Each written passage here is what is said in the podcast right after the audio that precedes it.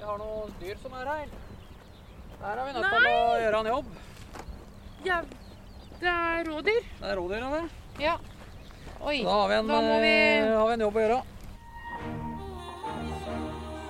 Dette er NLR på Øyra, en podkast fra Norsk landbruksrådgivning.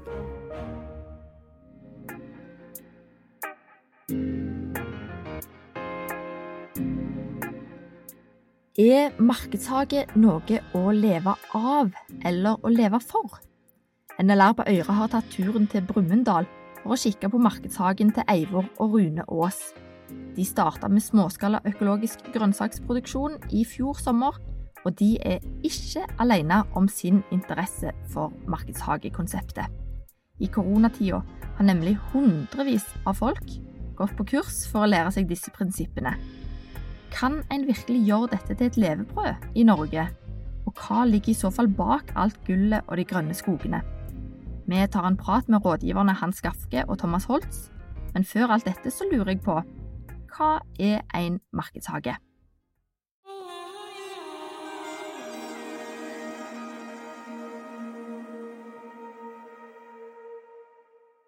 En markedshage er en småskala grønnsaksproduksjon som produserer et allsidig utvalg grønnsaker basert på lav investeringsutgift og liten grad av mekanisering.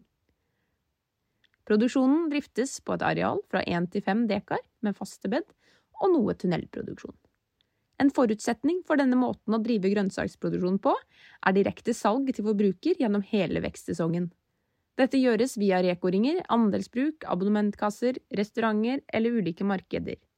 Med minimal bruk av maskinelt utstyr kan radavstanden reduseres og arealutnyttelsen bli mer effektiv, som gjør produksjonen mer lønnsom. Produksjonsmåten baseres på at jordfruktbarhet, næringsstoffer, avling, arbeidskraft, kunnskap, markedskanaler og kunder henger sammen. Arbeidsflyten praktiserer lean-prinsipper som optimaliserer teknikkene i ethvert ledd og minimerer tid på unødvendig arbeid i løpet av en sesong. Markedshagene har for lite areal for muligheten til å motta tilskudd i jordbruksavtalen, der arealet må overstige ett dekar for hver vekst. Derimot kan Innovasjon Norge være behjelpelig med støtte i oppstarten hos de fleste markedshagene i Norge. Den lave graden av mekanisering gjør at kostnadene med etablering av markedshagen kan betales ned i løpet av første eller andre sesong. Markedshagemodellen er basert på gamle prinsipper kombinert med ny tenking, studert gjennom Elliot Coleman, amerikansk forfatter og pioner innen økologisk jordbruk.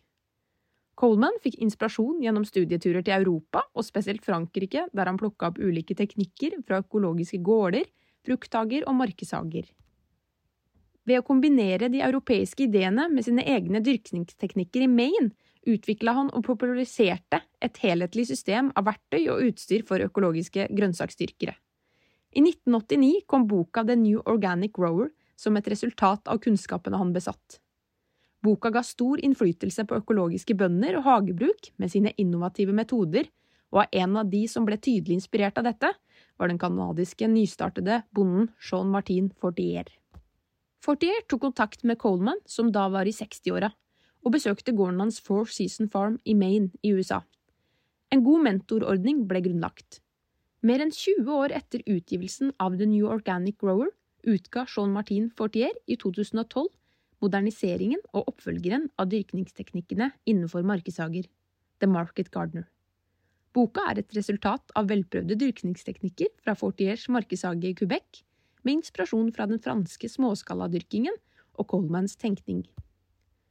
Leserne får en håndfast trinn-for-trinn-bok som gir konkret lærdom om etablering og dyrkning av en markedshage, samt smarte tips og teknikker for å skape høy avkastning og minimere tidsbruken.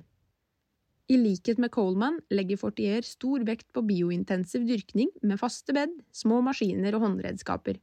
Disse elementene utgjør selve kjernen innenfor markedshagedyrking. Tusen takk til Heidi Skie, som her leste et avsnitt fra bacheloroppgaven sin, som hun skrev sammen med Tonje Bekkevold, om markedshagens potensial i Norge.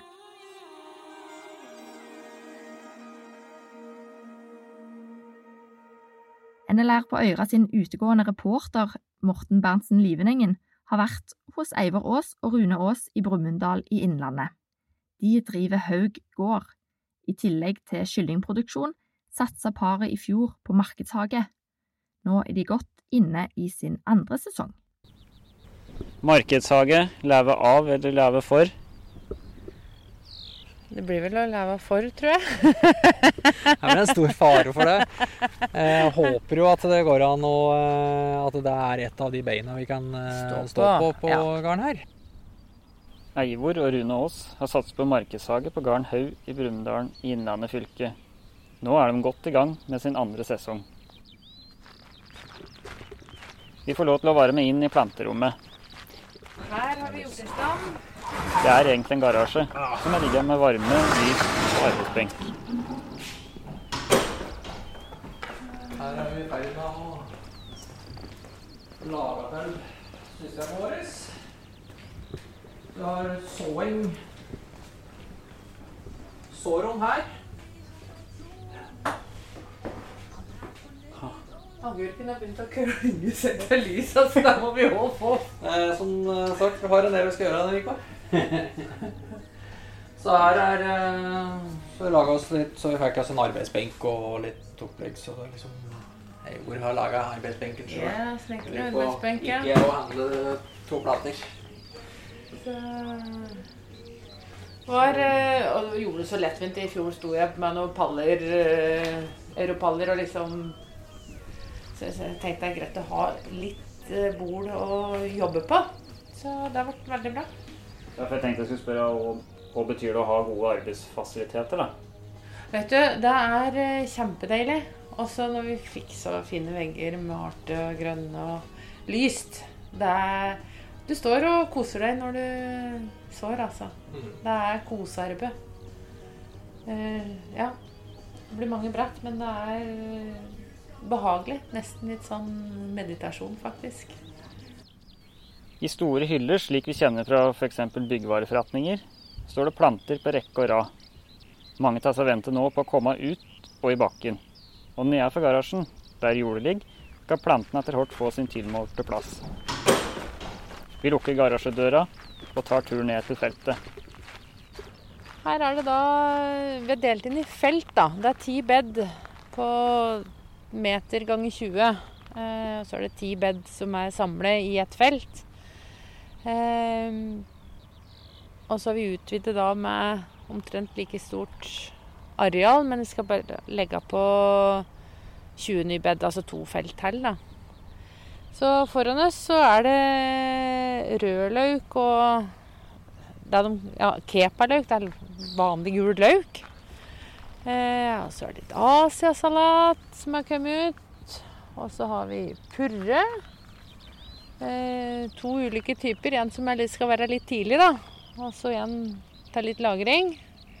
Så er det hvitløk, spinat, og så er det gresskar. Og så har vi fått satt opp tunnel da, i helga.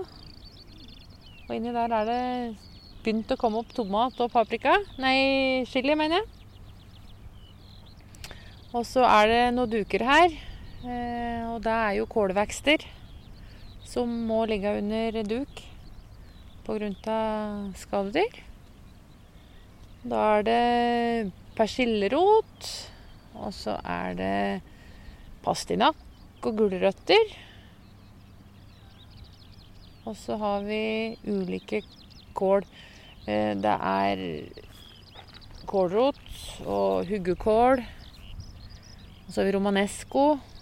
Og så, er det neper her, og reddiker. Jeg prøver å huske, liksom. Ja, jeg tenkte jeg kunne regne i hopus da, mens du ramser opp her, men mye forskjellig er det de har.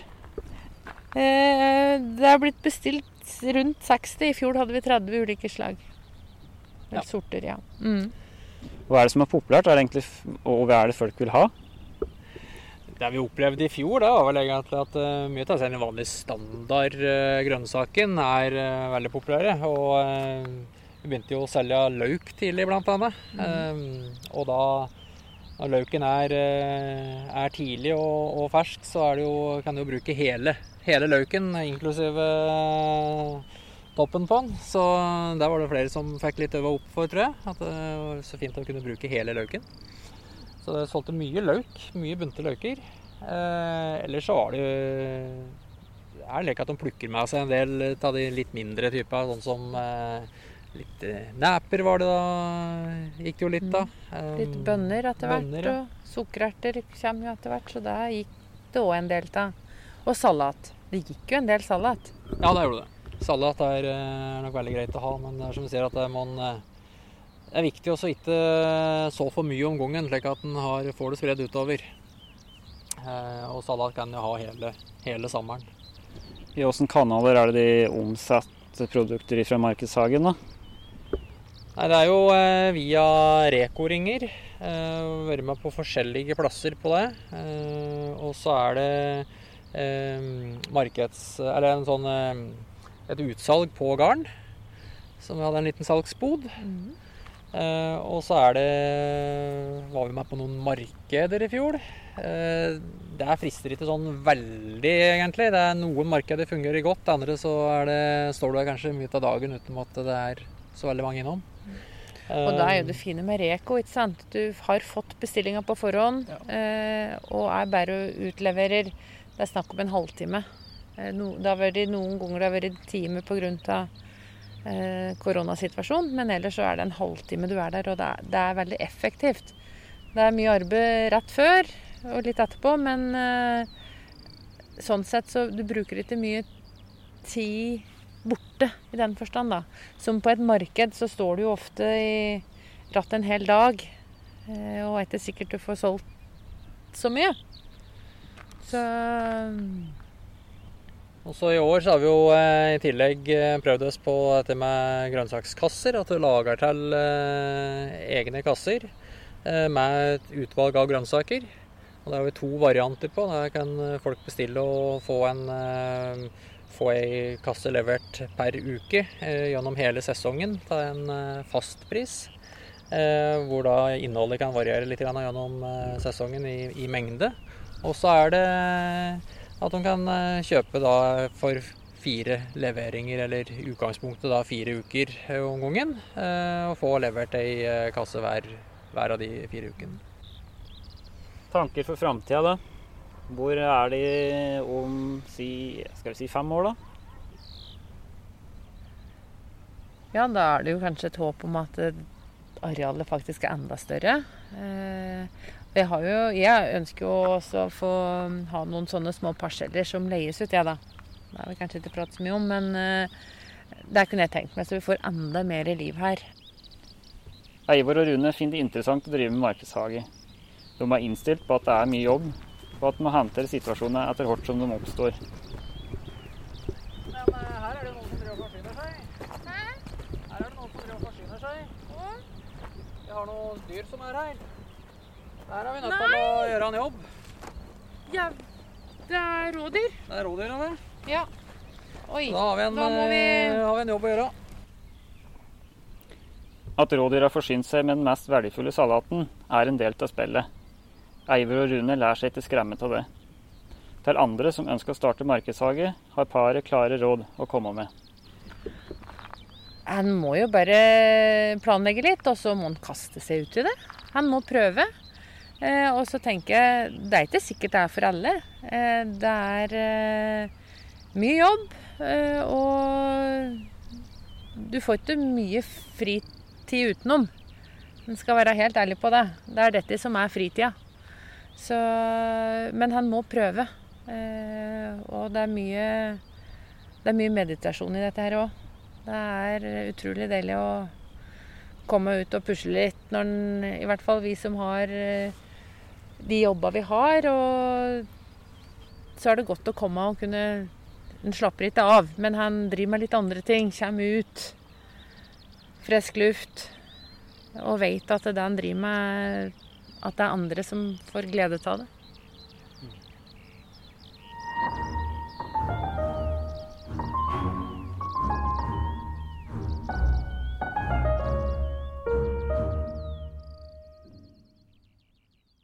Både Eivor og Rune har jobber utenom gården. Eivor jobber som lærer, mens Rune er rådgiver i Tine. Selv om de har mange ideer til å videreutvikle markedshagekonseptet på gården, erkjenner de at det er mye jobb og at ting tar tid. Derfor legger de stein for stein i et langsiktig arbeid for å få markedshage til å bli noe å leve av.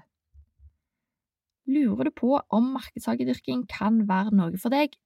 Hør i så fall med videre. Nå tar vi en lytt på det intervjuet som jeg gjorde med to eksperter som vet hva som kreves av en markedshagedyrker.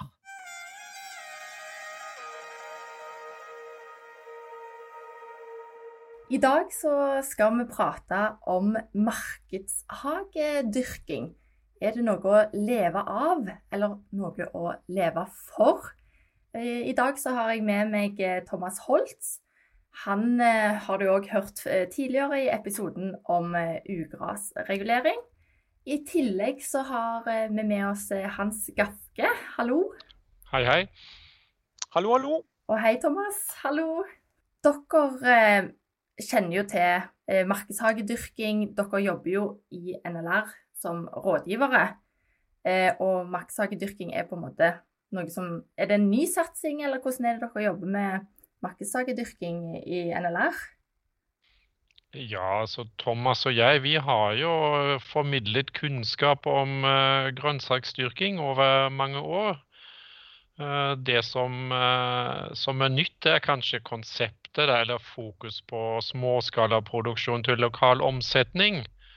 Eh, og markedshage som, eh, som, idé. Da skal du drive i mindre målestokk, sånn at du kan bruke mange av de manuelle arbeidsprinsippene som du også har i en kjøkkenhage, men det er større enn en vanlig kjøkkenhage, og du skal selge produktene lokalt. Ja, jeg jobber ja, i hovedsak som rådgiver i Norsk landbruksrådgivning med grønnsaker økologisk for uh, storskala og profesjonelle produsenter. Men uh, det etterspørsel vi opplever nå, og særlig det siste året etter småskala og markedshagedyrking, har gjort at jeg også jobber litt med kurs og markedshage, markdager rundt omkring i hele landet.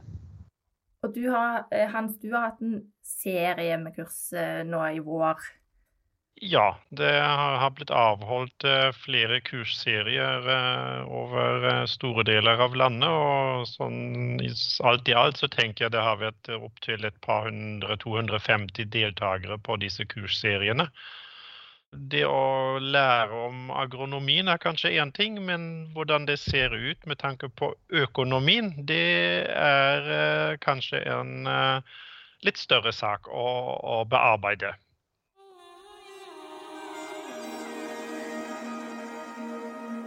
Hva kan være grunnen til at det er så voldsom interesse akkurat nå?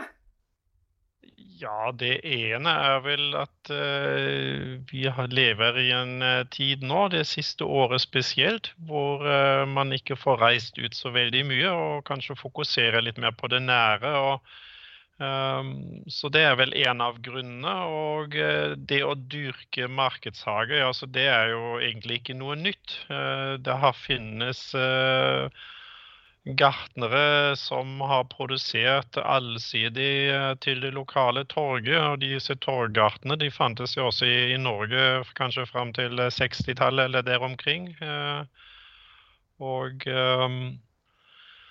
hvis vi ser på en, den dyrkningsformen som propageres nå, med faste bed og stor jordfruktbarhet, så kan vi gå tilbake til tiden der det fantes Eh, hester som uh, trekkraft i byene, og disse hestene etterlot seg jo voldsomme mengder med gjødsel.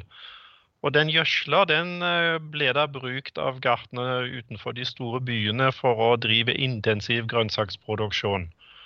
Og det er en, engelsk, nei, en amerikaner som har rendyrket det konseptet på nytt, Elliot Coleman, han skrev en bok, 'The New Organic Grower', som er eh, ja, bibelen eller statupunktet på, på den nåværende utvikling. Uh, tilsvarende modeller finnes også i Tyskland, eller fantes. Etter annen verdenskrig så var det nok uh, enkelte røster som begynte å snakke om at nå må vi lage opplegg der vi uh, dyrker uh, med innsats av lite investeringer. lage små gårder som har husstål akkurat nok for å skaffe gjødsel til, til planteproduksjon, men ellers er veldig manuelt basert.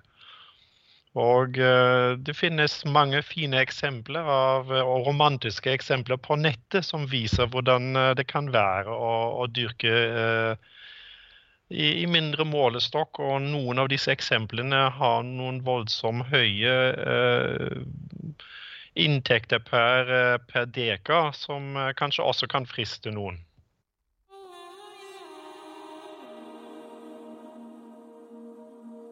Hva, hva, er det som kan gjøre til det gode liv?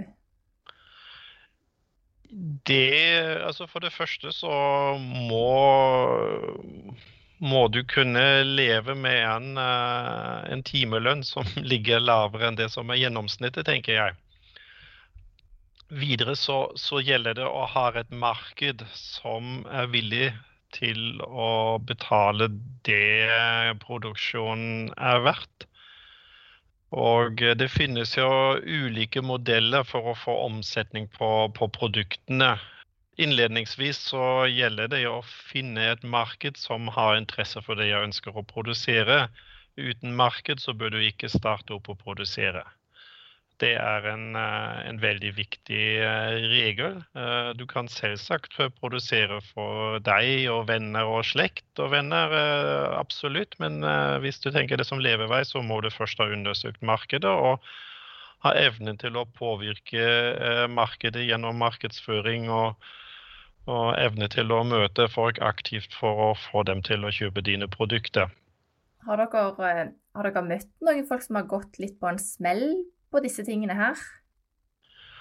Eh, ikke på en smell, men det er uh, enkelte steder i landet så er befolkningsgrunnlaget litt tynnere enn andre steder. og uh, det er en del felles oppgaver og felles investeringer som tilsier at du kommer økonomisk bedre ut hvis du har et, større, et større marked.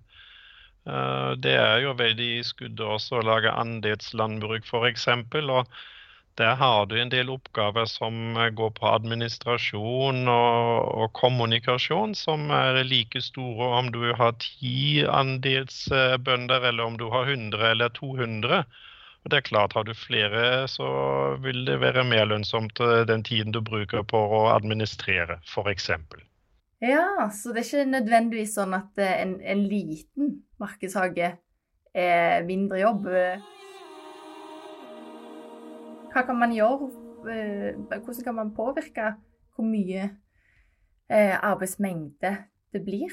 Ja, Thomas, vil du si litt om det? Altså, det ene er jo volum, det andre er kanskje hva man har fokus på. Altså, det er egentlig ganske fort at man undervurderer behov for arbeidet. Og ikke sjelden så drukner gårdsbrukere, særlig i småskalaproduksjon, men også i, små, i storskalaproduksjon, de drukner fort i arbeid. Altså, det er en kort uh, vekstperiode i Norge, og mye arbeid påfaller i en kort uh, vekstsesong.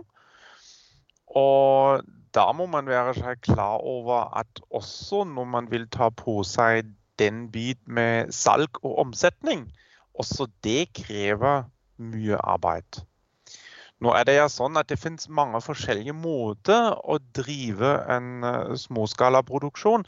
Det kan hende at man uh, velger å satse på andelslandbruk, hvor andelshavere blir involvert i arbeidet, og at de høster selv og at man da nesten ikke har arbeid med avling, høsting og omsetning. Men det kan også hende at det er en husdyrprodusent som eh, allerede selger sin kjøtt gjennom rekoringer og ønsker seg å supplere med flere grønnsaker. Som kanskje bor et sted langt unna et større marked og kjører til byer og selge da kjøtten sin, og så gjerne vil selge litt grønnsaker ved siden av. Og da blir det med en gang mye arbeid for høsting og omsetning av grønnsaker. Og så har vi andre produsenter som bare satser på lite bitte små produksjon for å forsyne nærmiljø, familie, venner og landsbygda. Og drive kanskje med enkelte omsetningssystemer med selvplukk og, og hentekasse. Um, men da er det også mye som må organiseres. Altså det, er, det er to ting. Det ene er å produsere, og det andre er å høste og omsette. Og jeg pleier vanligvis å si høsting og omsetning kan fort gjøre i enkelte vekster mellom 30 og 40% av arbeidsbehov. Altså vil si 60% går på dyrkning og generell arbeid for å få ting eh, å vokse. Og fort er det 40 eh, bare for høsting og omsetning. Ja, og da, hvis da både produksjon og jobbing på, ute i åkeren samfaller med omsetning, så kan det bli litt trangt eh, med tanke på arbeidsbudsjettet. Og eh, hvis du da ikke får gjort ting til rett tid, så vil det å ikke kunne ta ugresset når det burde ha blitt tatt, det vil kreve mangfoldig flere timer å komme à jour igjen. Slik at uh, det arbeidsbudsjettet det bør ikke undervurderes uh, i sin helhet. Det er ikke bare å få fram gulroten. Som du sier, Thomas, den skal selges og kanskje til og med markedsføres. og da, da, da går tiden òg. Og det er også tid som man skal få betalt for, hvis vi tenker på prisnivået. For det er jo her vi skal snakke litt om er det noe å leve av eller leve for. Og eh, vi eh, som tenker, eller de som tenker at de skal leve av den produksjonen, så må man ta med i beregning alle timer som går til, eh, til produksjon og fram til salg. Og eh, det er en, en utfordring med forholdsvis lave prisnivåer i, i Norge.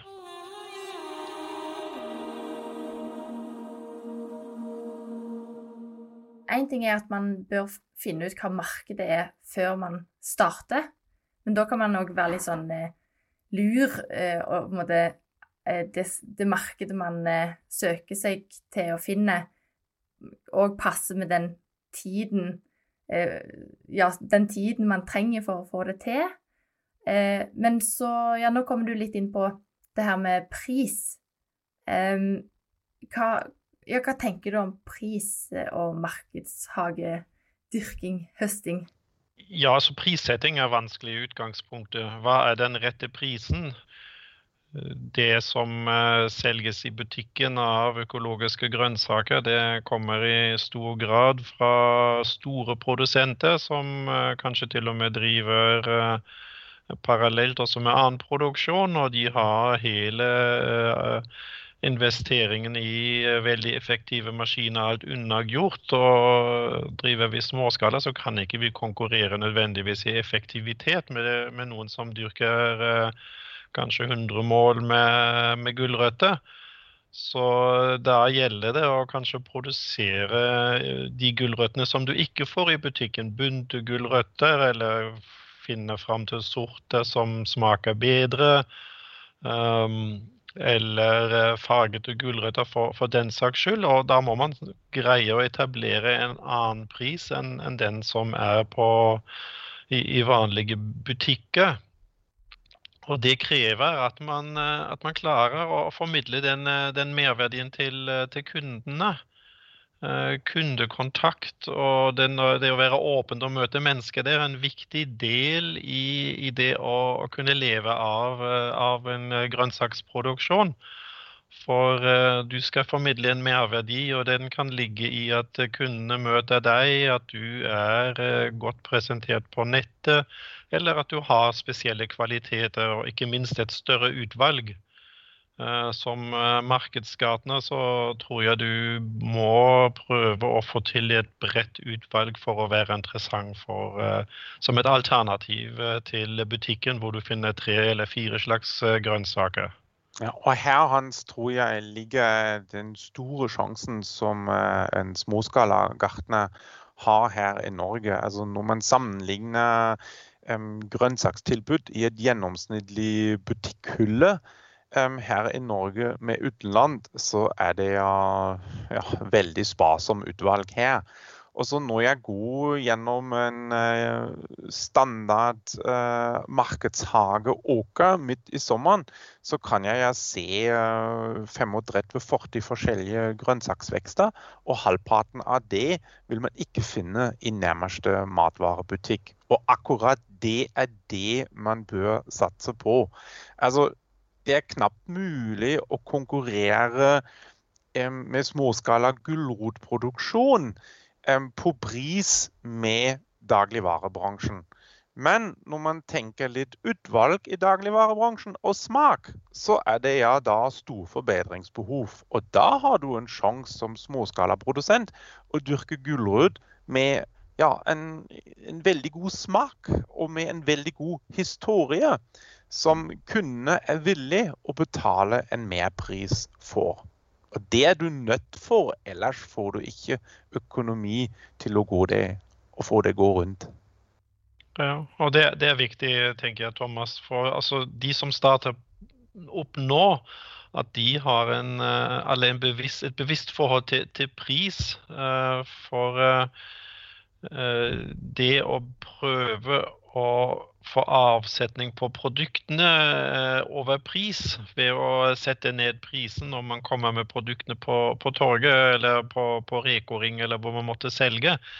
Det er eh, svært skummelt for de produsentene som skal prøve å leve av produksjon. Eh, det, det å drive en markedshage det er som å, å drive spesialforretning eller apotek du må ha høyere priser for du uh, jobber med mange flere kulturer som krever mye mer oppmerksomhet uh, av deg enn om du dyrker én eller to kulturer i storskala. Så det er kanskje en liten uh, hva skal vi si, ikke frykt, men usikkerhet hos meg med tanke på at mange vil starte opp. Men da er det viktig at, at man ikke prøver å komme inn på markedet ved å gå ned på pris for forbrukerne vil ikke forstå hvorfor den ene kan selge gulrøttene sine til 30 eh, kroner, og den andre skal ha 100. Eh, det er, eh, det er viktig å, å, egentlig finne ut av det på, på, forhånd. Om man vil gå ut på, på markedet med en grønnsaksproduksjon, eller om den blir småskala mer til venner og bekjente og en informell uh, omsetning. Ja, så rett og slett at, at en, en bør ikke at en bør konkurrere på å ha, eh, å ha, en spesiell historie eller et eh, større utvalg, at man skiller seg ut, eh, og ikke på prisen. Men hva skal man Hvis man da har et helt unikt produkt som det er vanskelig å få tak i andre plasser, ja, har dere noen tips til hvordan man skal eh, tenke på akkurat sin egen prissetting, da? Ja, så prissetting det er, det er, en utfordring. Og det å finne rett pris er en utfordring. Vi ser jo at prisene varierer over det hele landet. Eh, der det er større etterspørsel, slik som i Oslo, så er det enklere å få Uh, gjennomført en mer hva skal vi si, prissetting som fører i retning av en noenlunde timelønn.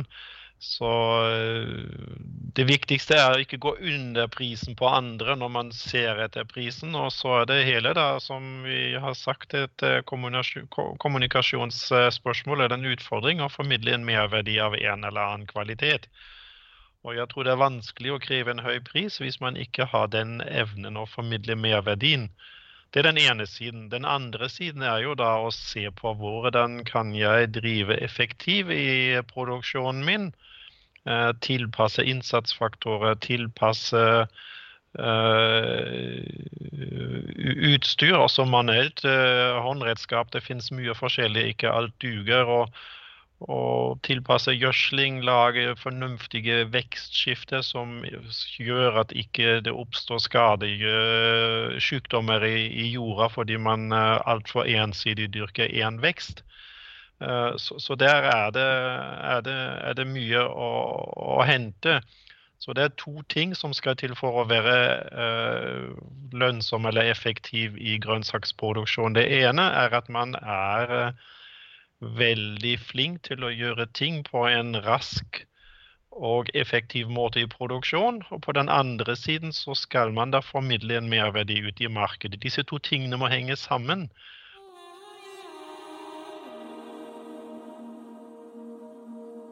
Dere sier at det er lurt å ha mang, gjerne ha et mangfold av grønnsaker. Men vil ikke et mangfold samtidig bety på en måte veldig mye mer jobb? Men det er likevel sånn at dere har erfart at det er lurt å ha et mangfold. Jeg kunne ikke bare, bare dyrke salat, f.eks., så jeg har hørt at det er liksom noe av det mest lønnsomme. Hvis jeg bare dyrka salat, hadde jeg, hadde jeg tapt Eller hadde ikke det funka, eller hva tenker dere om det? Jo, hvis du ser på isolert på hvor mange salathoder du kan dyrke på, eh, på, en kvadratmeter i sesongen, du kan til og med ha flere hold der, så kan du regne deg fram til å bli eh, kjemperik.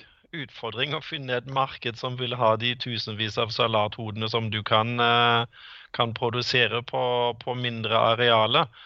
Eh, det å bli for spesialisert, det blir vanskelig. og å få omsatt produktene lokalt. Vi har ikke de store befolkningsansamlingene slik det er i, i utlandet, altså bortsett fra Oslo, da. Og Oslo er ingen stor by. Er det, eller hvordan er det sånn at folk, folk må slite litt for å finne kunder, eller mer liksom sånn at folk står i kø? Har dere noen føling, føling på det? Jo, det er en stor forskjell mellom Norge og f.eks. Sverige. Eh, I Norge så er eh, det sentrale innkjøpsavtaler for offentlige kjøkken i barnehager og institusjoner. Mens i Sverige så er det mulig å inngå avtaler mer på lokalt plan med eh, en skole. Og i Sverige så får jo alle barn Eh, varm måltid eh, når de er på skolen.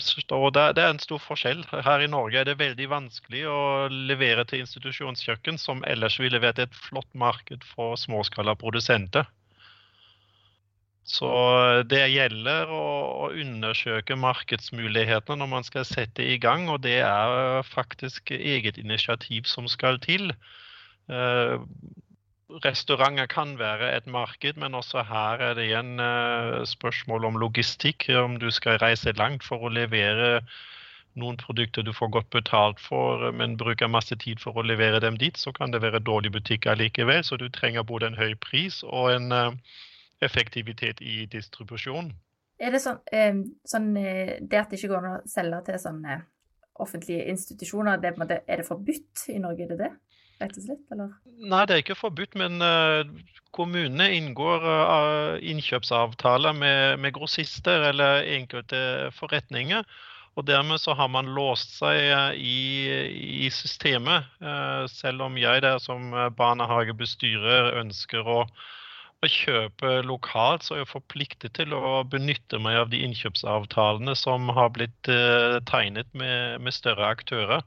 Så det er eh, en eh, litt, eh, hva skal vi si, begrensende konstruksjon som egentlig hindrer ut, eller spredning av, av, alternative omsetningsformer, som det økologiske landbruk absolutt ville hatt godt av.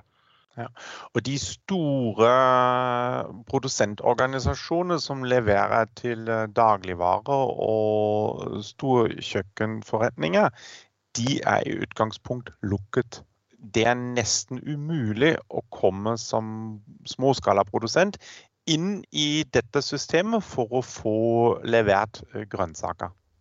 Og det er òg litt unikt for Norge, kanskje? Det kan du vel si, ja.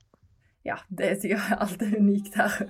Men eh, eh, litt tilbake til det med eh, ja, det som egentlig kanskje er hovedjobben deres, og så gi råd om hvordan man kan drive effektivt eh, med markedshagedyrking. Hva, hva, går det ut på? Hva er det dere kan Ja, hvilke tips er det på en måte dere eh, har å by på som, som eh... Det viktige viktigste er um, det har snakka om, uh, er ja kunnskap. Altså, det handler ikke bare om kunnskap uh, over markedet. Det handler også om kunnskap uh, om jord og planter. Å drive grønnsaker forutsetter ja en viss forståelse, grunnleggende forståelse for jord, for gjødsling og plantevekst.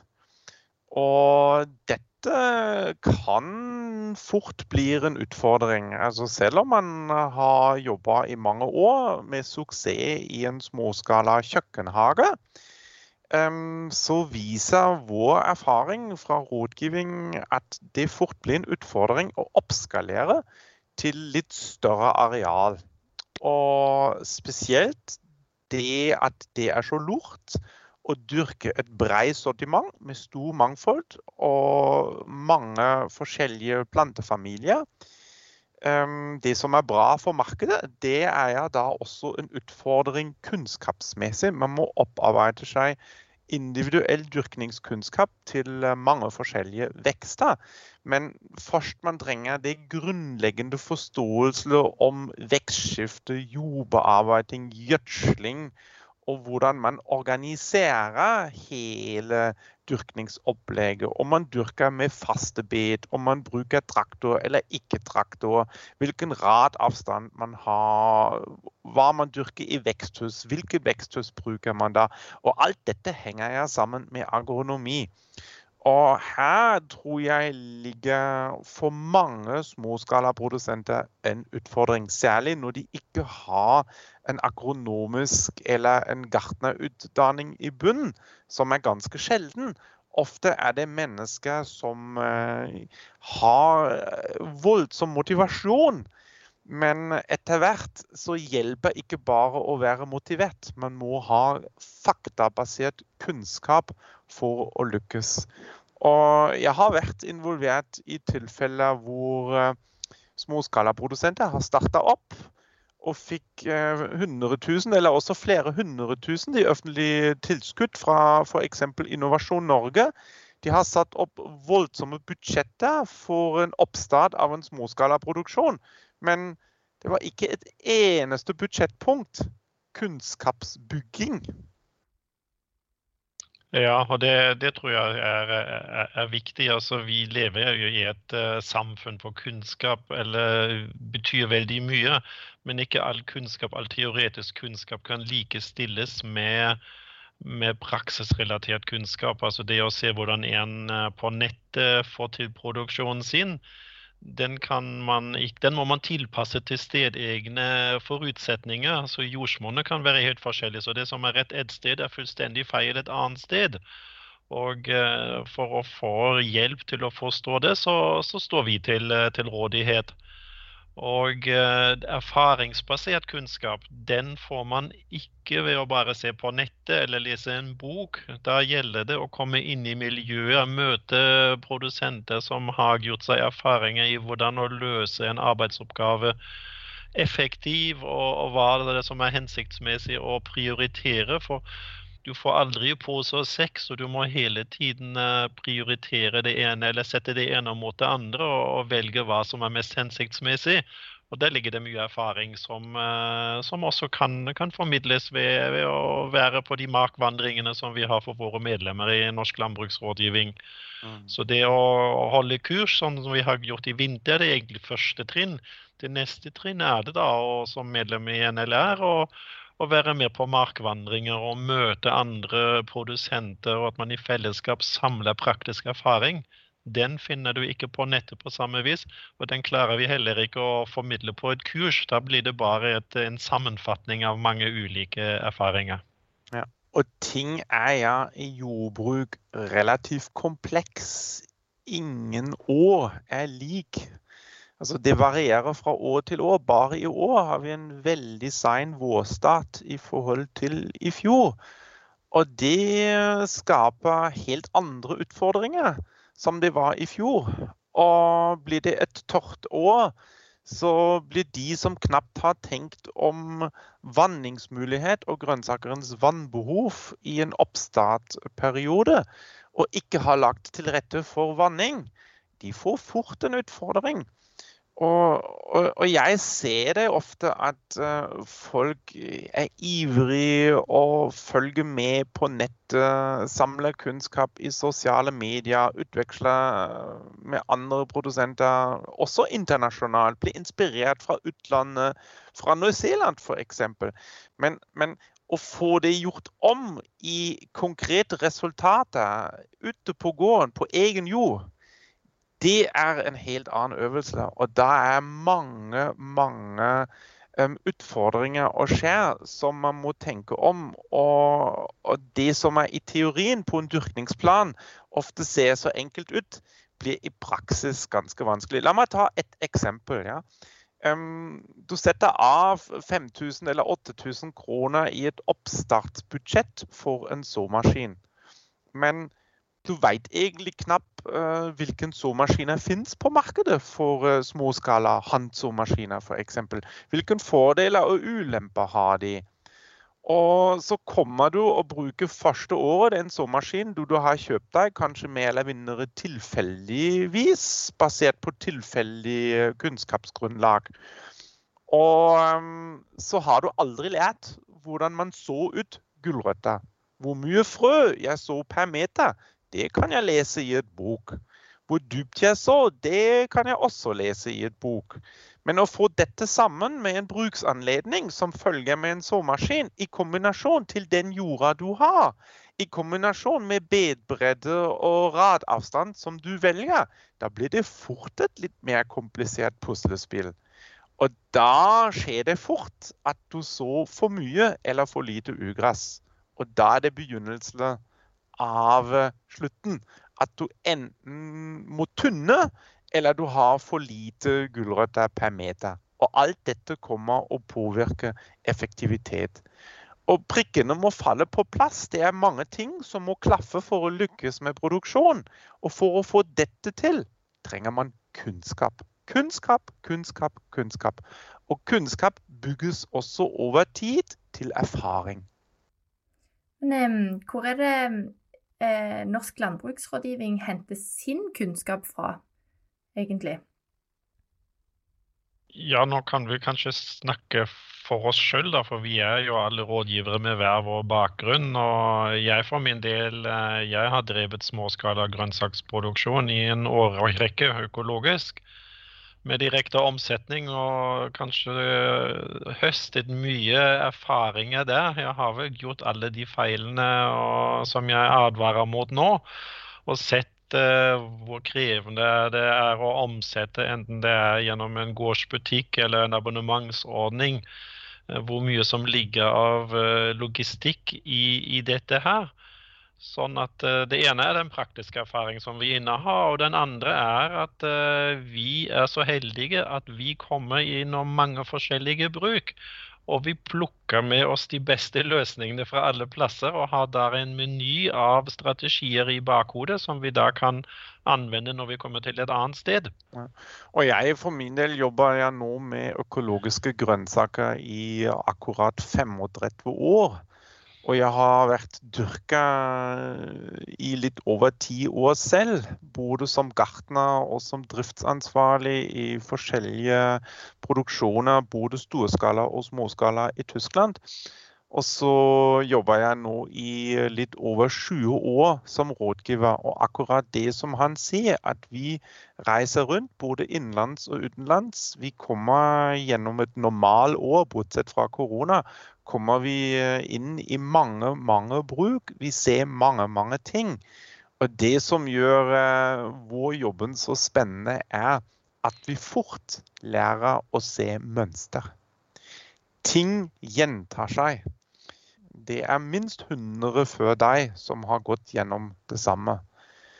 Og det hjelper utrolig mye for uh, at vi bidrar våre medlemmer og våre kunder å spare lærepenger.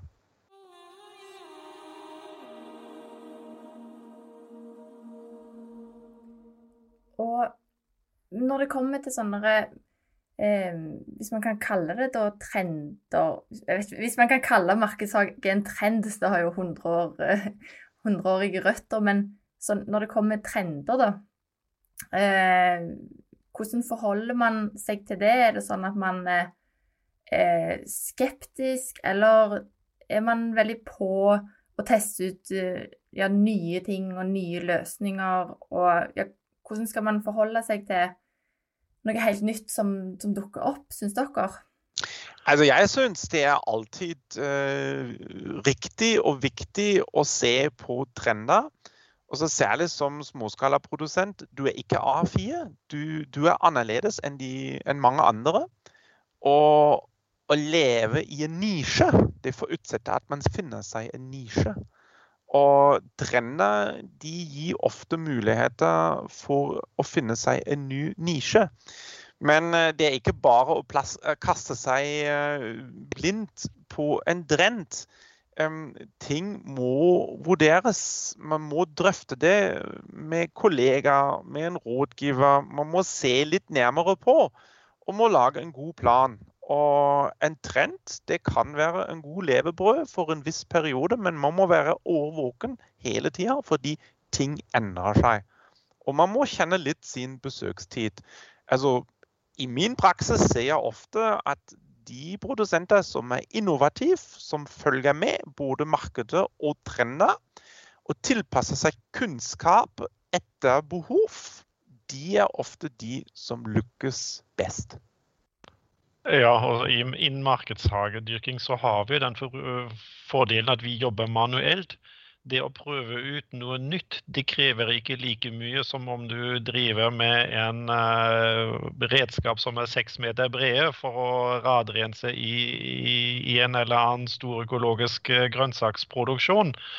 Her kan du eh, sette opp forskjellige eh, Prøve ut nye ting. Så innovasjonsmulighetene er mye større i småskalaproduksjon, faktisk. Så det er, eh, og det, det ser, ser, vi, det er enkelte produsenter som etterspør nye kulturer som ikke vi har prøvd her før. Det er, Man prøver ut ulike ting, småskala, i og med at håndmakt den kan fort variere. Et eller annet tiltak, men endre litt på noe og se hva som skjer, sammenligne. Så eh, vi er åpne, eh, men vi, eh, hva skal vi si, vi, vi spiser ikke ting usett. Så vi, vi ønsker å, å se, se, virkning av, av, endringer før vi kan gå ut og, og stå fram og si at dette kan være en løsning for noen. Og det må vi huske på. Det finnes aldri bare én løsning på hvordan ting kan gjøres. Ja. Og, og, jeg pleier ofte å si det finnes storskala driftsfordeler og ulemper, og så finnes på andre måter småskala driftsfordeler og ulemper. Og En av de største fordelene man har i småskala er høy fleksibilitet. I hvert fall i forhold til storskalaproduksjon. Som småskalaproduksjon produsent, du kan reagere umiddelbart på markedet. Du trenger ofte ikke å investere stort. Altså Når du ser at du plutselig har behov for ny, trendy grønnsaker, eller mer behov for f.eks. la oss si pak choi, så bare gjør du det. Du trenger ikke å investere i mer redskap. Du trenger ikke å, å, å vente i årevis til du får en leveranse- og produksjonsavtale med din grossist. Du bare følger markedet og gjør det, og tilpasser deg akronomisk og kunnskapsmessig. Og da er det bare å sette i gang. Altså, men man er da utrolig fleksibel i forhold til en storskalaprodusent. Syns, syns dere at um eh, markedshage bør være en del av på framtiden. Er markedshage noe som, som eh, man egentlig bør ha mer av, selv om gjerne eh, prisen i dag eh, ikke gir sånn fantastisk eh, timelønn av seg sjøl, i alle fall? Ja, Med tanke på ressursbruk så er det jo meget spennende. Vi har bare menneskelig arbeidskraft for å utføre denne jobben her. Og vi spiser uansett om vi spiser noen kalorier ekstra for å jobbe fysisk. Så er det ganske solide energi som går med til produksjon, i motsetning til å enten å fôre en hest i gamle dager, eller å produsere en traktor og bruke fossil brensel. Eh, så det er det ene, ressursbruken. Jeg tror en intensivt drevet markedshage med tanke på input av energi og output, det er vanskelig å slå. Eh, det andre det er at eh, vi ser en produksjon som er i større grad basert på lokale ressurser. Ingen lange transportveier, lokal omsetning. Så det er en en forsyningsstabilitet med tanke på matvaresikkerhet som er vanskelig å ivareta med de store varestrømmene som gjerne flyter fram og tilbake tre ganger før vi henter dem i butikken. Så eh, betrakter vi det litt mer sånn samfunnsøkonomisk eller samfunnsrelevant, så er dette en kjempespennende utvikling. Så det er synd at ikke prisnivået og det er kanskje betalingsviljen er like stor overalt for å fremme den type produksjon. Som sagt, det er små investeringer, og det kan føre til mye større, et mye større mangfold i, i utbudet. Og, og, det er, det er Bortsett fra kanskje frøene, så er dette en, en lokal produksjon som, som, ikke trenger input fra hele verden. Eh, har man en del fri på vinteren bare når man har markedshage? Kan man eh, ha en annen jobb om vinteren? Eller er det ja, jobb på vinteren òg? Jeg har kommet, eller møtt en eh, produsent som eh, holdt til litt lenger oppe i fjellheimen. Og han hadde en jobb i eh, skisesongen med å jobbe på heis. Så han hadde der full pakke om sommeren med produksjonen sin. Og så har han en jobb utenom. Så det er en ideell løsning som også da gir en større robusthet med tanke på økonomien i, i en sånn produksjon.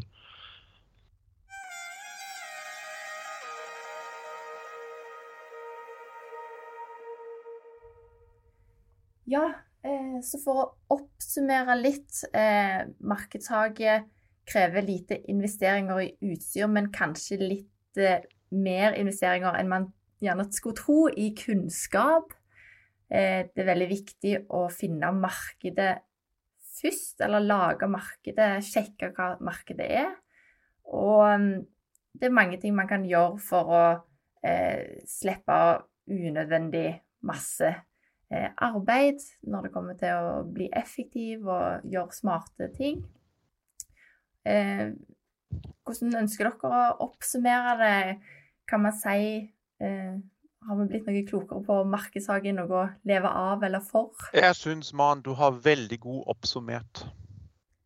Jeg vil si produksjon er det enkleste i det hele. Altså Det å sette i gang for å dyrke grønnsaker, det er den delen som man kan rå over i større grad. Markedet er det vanskeligere å få gjort noe med. Skal du leve av det, så skal du ha eh, mange ulike evner.